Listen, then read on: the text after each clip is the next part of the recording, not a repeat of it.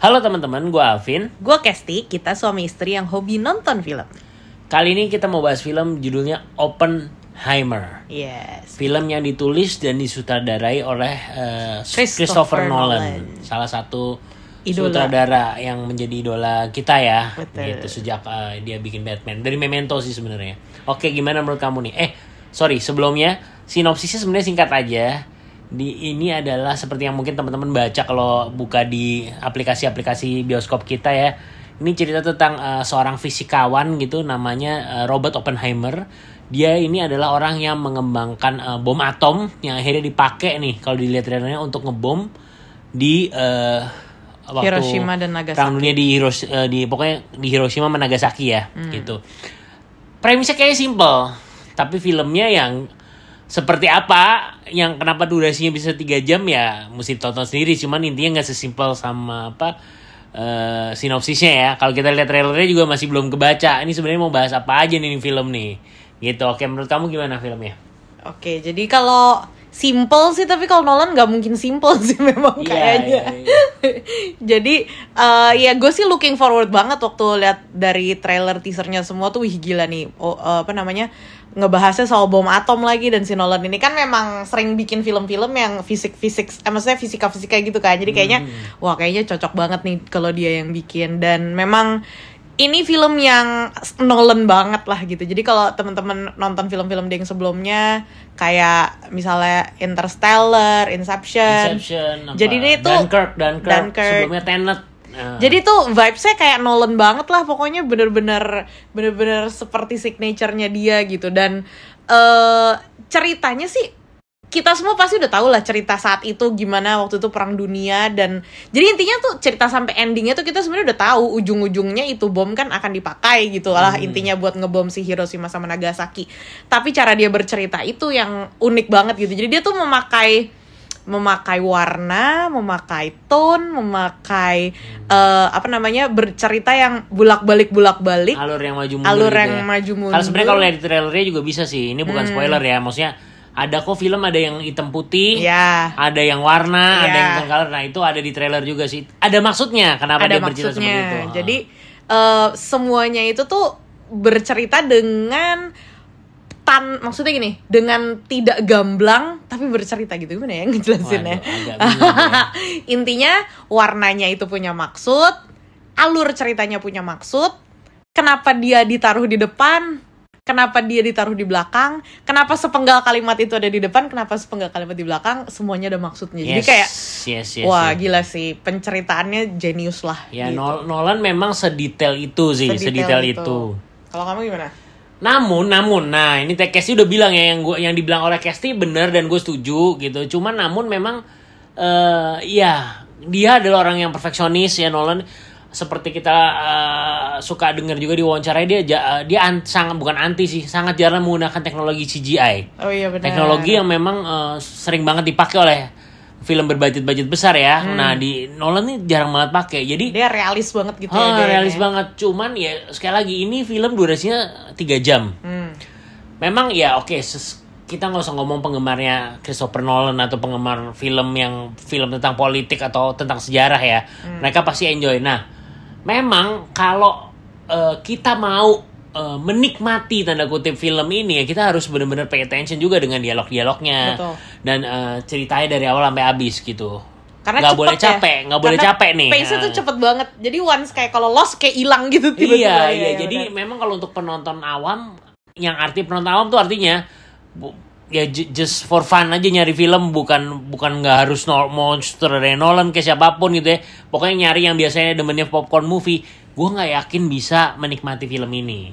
To be honest, to be honest. Jadi sekali lagi ke- film Christopher Nolan dari dulu selalu eh, punya dua pendapat yang berbeda menurut gue ya yang kalau gue dengar dari teman-teman ya. Maksudnya kadang ada yang bilang bagus banget di satu sisi di film yang sama bisa bilang waduh gue nggak enjoy nikmatinnya gue bingung. Nikmatinnya ada juga yang kayak gitu. Kecuali trilogi eh, Bruce Wayne ya Batman ya itu itu mungkin eh, itu secara komersil laku secara kritik laku juga ya itu itu lain soal. Mungkin gitu sih gitu Jadi kalau apa namanya gue bilang intinya film ini tuh kalau kalian lagi pengen cari film yang em, ringan-ringan kayak cuma pengen ah kayak cuma pengen eh, buat entertainment aja lah cuma buat kayak mengisi waktu luang kayak pengen Kayaknya hahaha kurang ya, kayaknya kayak kurang kurang cocok, cocok karena gitu. film ini bener-bener mesti mikir dari awal sampai akhir dan mikirnya tuh beneran harus mikir karena tokohnya tuh banyak banget dan ya tokonya banyak iya banget ya dan yang main juga banyak dan banget yang main banyak banget dan itu tuh karena mukanya ba- beberapa tuh nggak familiar jadi kayak ngafalinnya tuh harus bener-bener cepet yang ini Iya. tadi tuh siang mana ini ya mana ya iya karena ini siapa ya ini Iya, siapa ya gitu ya bener, bener, mungkin bener. kecuali yang udah daftar uh, sejarah bener. sejarah uh, ini kalau yang kayak hafal banget tokohnya gitu besar-besar tokohnya. ya kita tahu Kita tapi tahu kayak tokoh-tokoh sampingannya tuh banyak yang kayak nama-nama yang kita nggak familiar gitu jadi eh, dan orangnya tuh banyak banget tokohnya dan mereka Hmm. semua tuh punya peranan yang penting dan beda-beda di berbagai tempat gitu. Jadi kayak harus ingat ini tuh tadi yang profesor yang mana ya? Ini tuh tadi yang apa ya? Eh, kenapa ya latar belakangnya dia gini gitu? Jadi eh, bener-bener harus mikir dan harus ingat dan harus konsentrasi. Jadi di tengah-tengah gue sempet kayak wah gila lumayan overwhelm sih kayak wah ini banyak banget ini tadi yang gimana itu. Tapi kayak setelah diikutin terus at the end tuh kayak baru oh ternyata ini tuh begini karena itu. Oh ternyata si ini tuh begini gitu. Jadi baru kayak baru kayak di belakang nah takutnya nih kalau karena ini kan durasinya panjang jadi kayak maraton gitu loh jadi kalau tengah-tengah kita kayak udah ah udah kita lepas konsentrasinya berat tuh nyampe ke belakang gitu Iya betul kira-kira betul gitu. setuju setuju setuju. Jadi kalau teman-teman bisa survive satu setengah jam pertama dengan konsen dan memperhatikan satu setengah jam terakhir pasti akan menganggap Benar, film ini benar. bagus Betul, gitu. betul, betul. Cuman kalau sampai aduh udah berat ketiduran kayaknya di, sa- Wah, berat. di satu jam pertama ya mungkin satu setengah jam terakhir ya biasa aja kok gue nonton Iya, gitu. iya, iya, benar. Apalagi ya sebelum kita bahas lebih lanjut nih film tuh hype-nya tuh di Gila Indonesia banget, terutama iya, ya iya, itu bukan hanya karena dia dibuat Nolan atau gimana ya tapi juga ketolong karena ini dirilis berbarengan dengan Barbie ya Iya, jadi Barbenheimer, isti- kan? istilah Barbenheimer tuh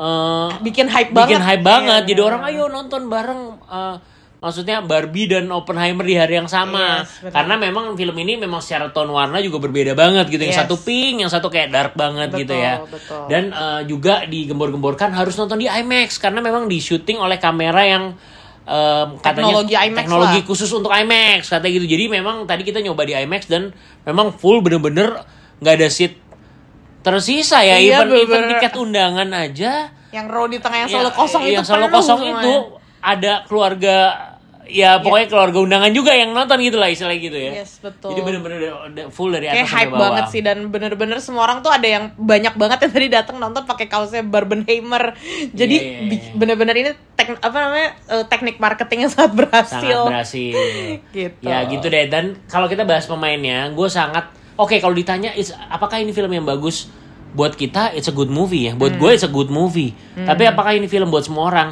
Enggak juga menurut gue Hmm, betul.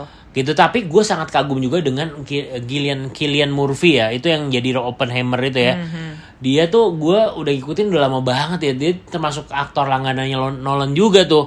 Dia sih mainnya di sini bagus ya. Gue Hmm. Ngeliat banget. uh, mikro mikro expression di mukanya. Apalagi kita nonton di IMAX detail-detail apa ya raut wajah pandangannya apa Bener, ya? matanya sih gila dia sih. beda banget sih. Dia Gila kayak sih. menjelma dia mungkin ngurusin badan atau apa pokoknya kayak ngejelma banget ya. Gila gila gitu dan memang aktor-aktor lain juga banyak banget yang terkenal yang main ya termasuk Robert Downey Jr., Matt Damon.